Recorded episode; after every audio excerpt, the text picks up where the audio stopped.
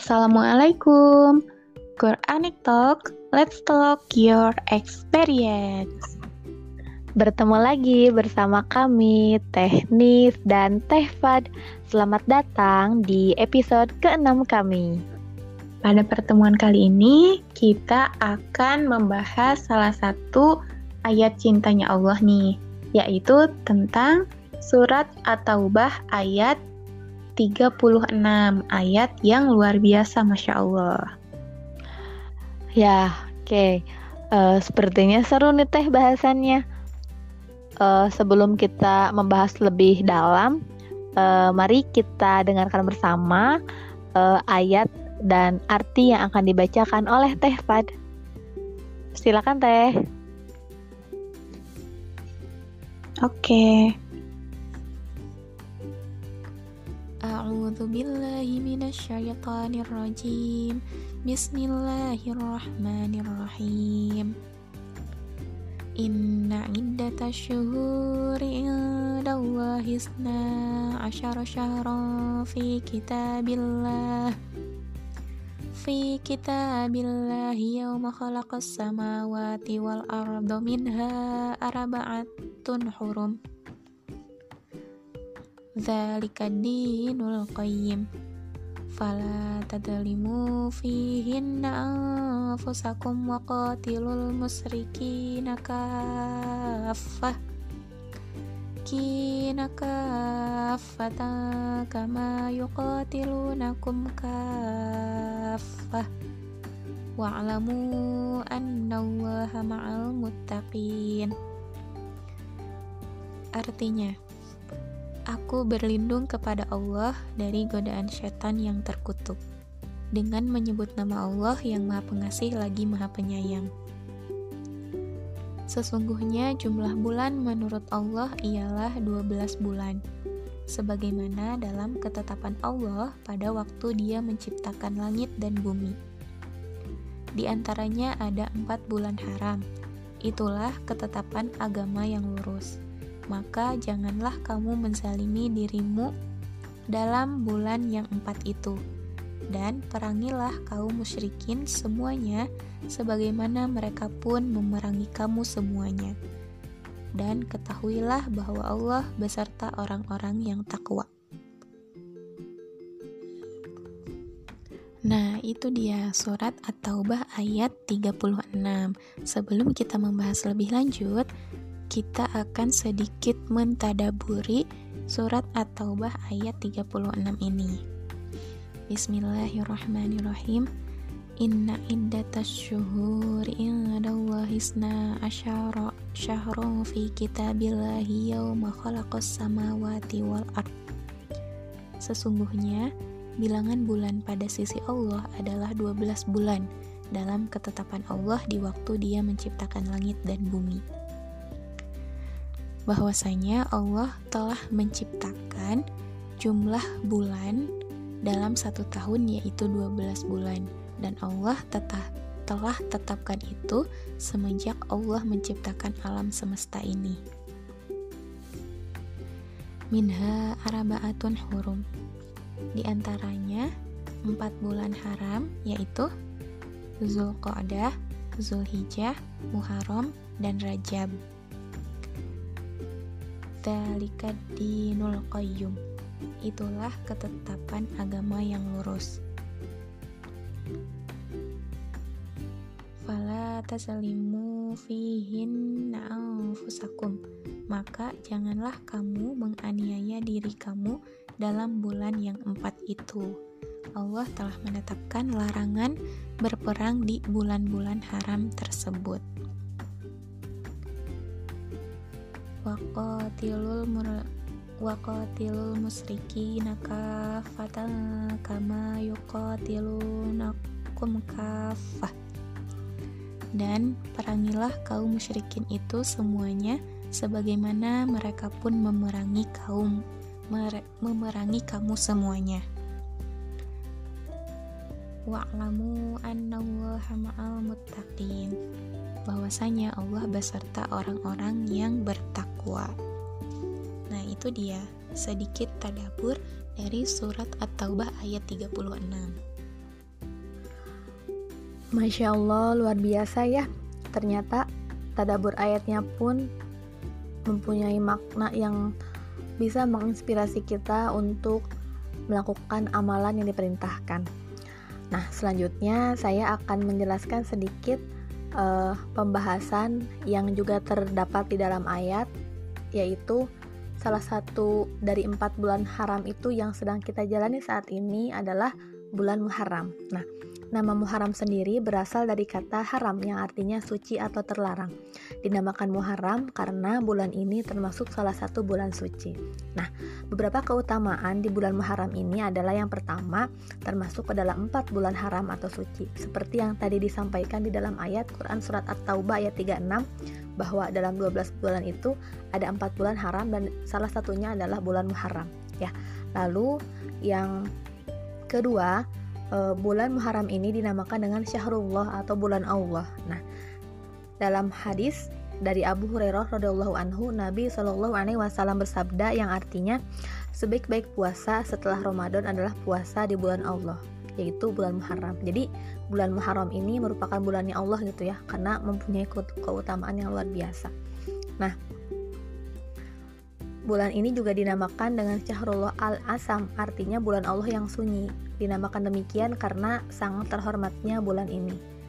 Sehingga di bulan ini itu tidak boleh ada sedikit pun peperangan ataupun konflik ya, sehingga benar-benar sangat dimuliakan ya setelah Ramadan. Lalu yang ketiga, ada satu hari yang sangat dimuliakan oleh umat beragama termasuk Nasrani, Yahudi juga Islam ya. Hari itu adalah hari Ashura. Nah, Orang Yahudi itu sangat memuliakan hari ini karena hari Ashura adalah hari kemenangan Musa bersama Bani Israel dari penjajahan Firaun dan bala tentaranya.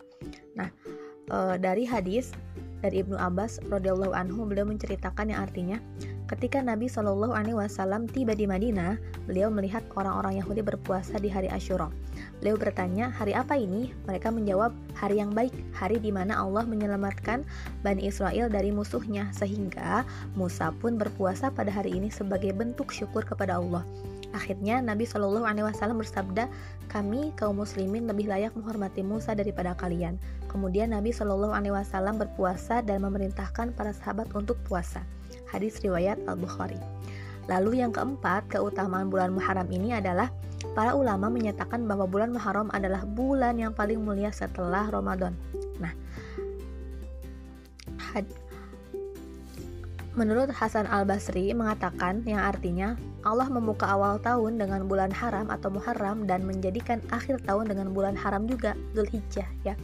Nah, tidak ada bulan dalam setahun setelah bulan Ramadan yang lebih mulia di sisi Allah daripada bulan Muharram. Dulu bulan ini dinamakan dengan Syahrul Al-Asam seperti yang tadi saya jelaskan bahwa memang uh, karena begitu mulianya bulan ini gitu, ya. Jadi itulah beberapa ke jadi itulah beberapa keutamaan di bulan Muharram. Nah, selanjutnya karena begitu mulianya bulan ini, maka ada amalan yang dianjurkan untuk kita lakukan di bulan Muharram ini. Apa saja kah itu? Nah, di antaranya yang pertama kita dianjurkan untuk memperbanyak puasa. Nah, e, memperbanyak puasa di sini ada beberapa macam ya. E, ada yang menyatakan bahwa kita bisa memperbanyak dengan puasa-puasa sunnah seperti halnya yang sudah kita tahu ya. Ada puasa Senin dan Kamis, ada puasa tiga hari di pertengahan bulan ya atau ayamul bid, lalu puasa Daud ya. Nah, tapi di antara puasa-puasa itu ada puasa yang juga dikhususkan ya di uh, bulan Muharram ini. Nah, puasa apa sajakah itu? Yang pertama itu puasa Asyura tadi yaitu puasa di tanggal 10 Muharram ya. Jadi kita dianjurkan untuk puasa ini. Nah, dalam hadis dijelaskan dari Abu Musa al-Ash'ari radhiyallahu anhu, beliau mengatakan yang artinya dulu hari Asyura dijadikan orang Yahudi sebagai hari raya. Kemudian Nabi Shallallahu alaihi wasallam bersabda, "Puasalah kalian."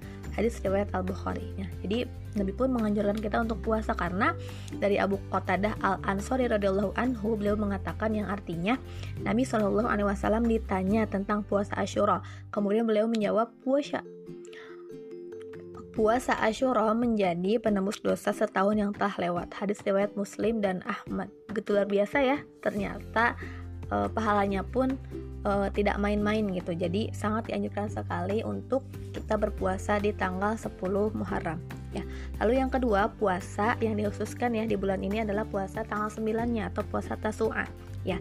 Nah, puasa Tasu'a ini eh, dianjurkan sebagaimana dari Ibnu Abbas radhiyallahu anhu beliau menceritakan yang artinya ketika Nabi Shallallahu Alaihi Wasallam melaksanakan puasa Ashura dan memerintahkan para sahabat untuk puasa, kemudian ada sahabat yang berkata, ya Rasulullah, sesungguhnya hari Ashura adalah hari yang diagungkan oleh orang Yahudi dan Nasrani. Kemudian Nabi Shallallahu Alaihi Wasallam Kemudian Nabi Shallallahu Alaihi Wasallam bersabda, tahun depan kita akan berpuasa di tanggal 9. Namun belum sampai tahun depan Nabi Shallallahu Alaihi Wasallam sudah diwafatkan. Hadis riwayat Al Bukhari. Jadi untuk supaya kita tidak uh, serupa dengan kaum yang lain gitu ya dalam hal berpuasa di tanggal 10 ini maka Nabi menganjurkan kita untuk berpuasa juga sehari sebelumnya supaya tidak disamakan maka uh, di bulan ini yang cukup dikhususkan untuk berpuasa selain puasa-puasa sunnah yang lain ya yaitu puasa taswa di tanggal 9 dan puasa Muharram di tanggal 10 ya puasa Ashura di tanggal 10 ini seperti itu ya nah itu dia jadi amalan pertama yang bisa kita lakukan adalah dengan berpuasa.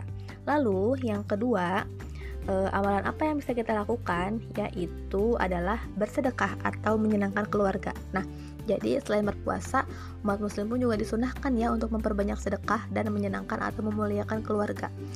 Nah, dalam sebuah hadis dari Abi Sa'id Al-Qudri Rasulullah Shallallahu alaihi wasallam bersabda, "Barang siapa menyenangkan keluarganya di hari Asyura, maka Allah akan memberikan kesenangan kepadanya atau meluaskan rezekinya di tahun-tahun berikutnya." Hadis riwayat Al-Baihaqi dan At-Tabarani ya. Jadi uh, kita dianjurkan juga untuk memperbanyak sedekah gitu ya. Karena ya tadi dalam hadis lain juga dari Abdullah bin Amr bin Al-As Rasulullah bersabda, Barang siapa berpuasa di hari Asyura, maka seakan-akan berpuasa selama setahun. Dan barang siapa bersedekah di hari ini, maka seakan-akan bersedekah selama satu tahun juga. Jadi ya, karena ini hari mulia ya, kenapa tidak sih kita untuk uh, memperbanyak amalan atau uh, apa namanya? Dia melakukan kebaikan yang lebih dibandingkan dengan hari-hari yang lain gitu ya supaya tadi uh, apa namanya amalan kita pun juga bisa uh, semakin bertambah semakin bertambah dan uh, kita semakin menjadi pribadi yang lebih baik lagi. Jadi itu ya. Maka yuk sama-sama kalau kita punya keluasan rezeki ya, tapi namanya bersedekah tidak perlu atau tidak juga harus berupa uang, bisa berupa tenaga, bisa berupa makanan dan sebagainya, apa pun yang bisa kita lakukan.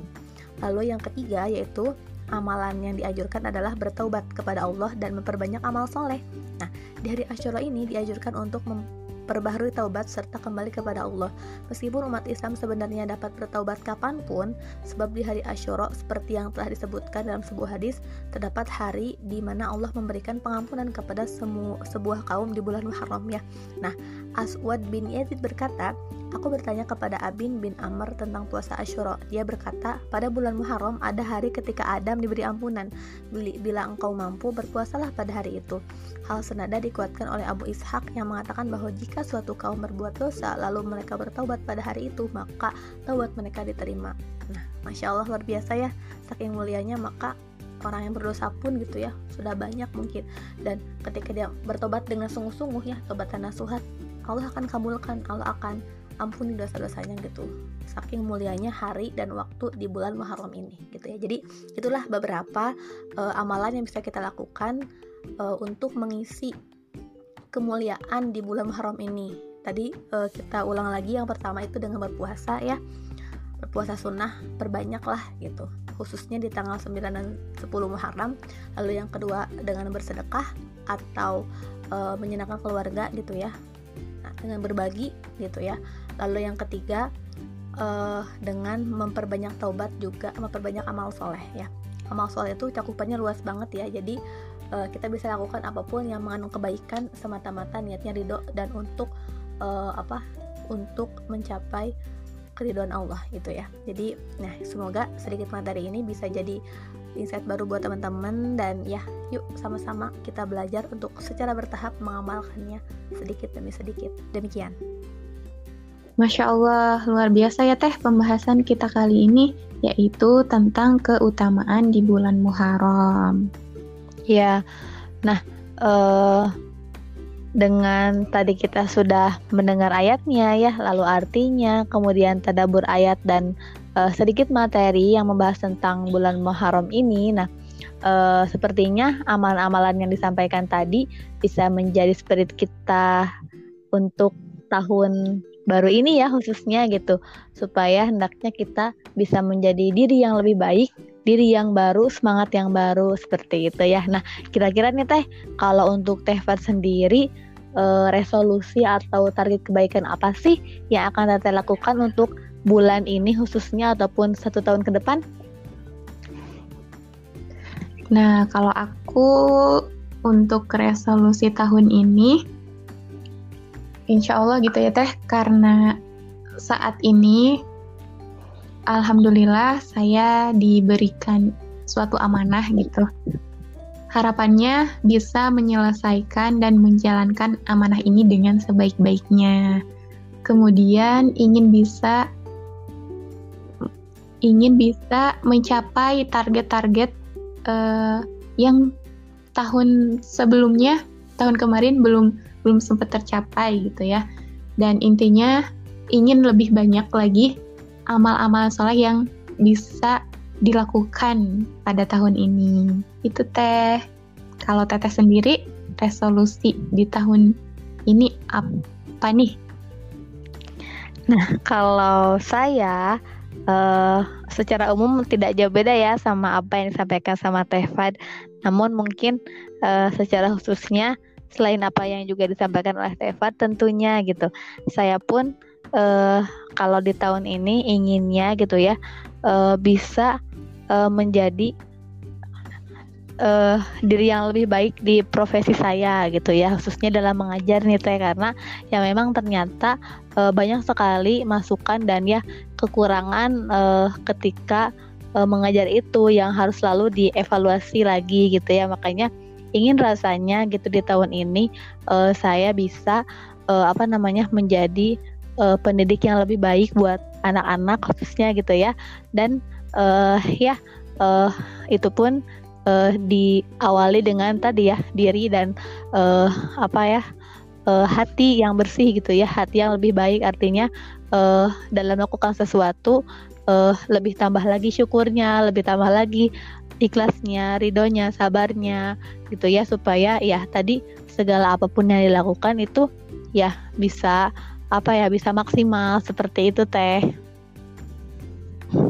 Masya Allah, semoga apa yang kita targetkan bisa tercapai. Kemudian kita juga bisa menjadi pribadi yang lebih baik lagi. Amin.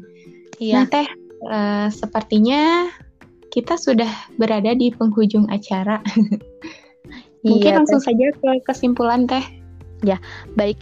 Jadi uh, setelah tadi uh, teman-teman sekalian khususnya yang mendengar uh, me, apa menyaksikan ya bahwa ya uh, dengan ayat yang dibaca artinya begitu pula tadabur dan diakhiri dengan uh, materi yang disampaikan bahwa ya yuk sama-sama di bulan Muharram ini khususnya kita memperbanyak amal ya khususnya karena juga ini adalah tahun baru gitu ya mari kita sama-sama memperbanyak amal uh, menjadikan diri lebih baik. Nah, tadi di antaranya adalah yang pertama bisa dengan berpuasa ya, memperbanyak puasa. Lalu yang kedua dengan bersedekah ya, dan yang ketiga dengan banyak bertaubat, khususnya istighfar ya, karena bisa jadi kita uh, banyak kesalahan yang tidak terasa gitu. Lalu dengan disertai memperbanyak amal soleh juga. Nah, itu dia. Uh, jadi sama-sama yuk kita ini jadi spirit baru buat kita supaya uh, kita selalu punya target untuk jadi lebih baik. Nah, itu dia pembahasan pada episode kali ini. Semoga apa yang kita sampaikan bisa menambah sedikit wawasan teman-teman. Nah, bagi kalian yang penasaran tentang ayat-ayat cintanya Allah yang akan kita bahas pada episode selanjutnya, stay tune terus di podcast kami. Mari mengudara bersama untuk maknai setiap ayat-ayat cintanya Allah. Sebelum ditutup, mari kita sama-sama jargon dulu. Yuk, Quranic Talk, let's talk your experience. Wassalamualaikum warahmatullahi wabarakatuh.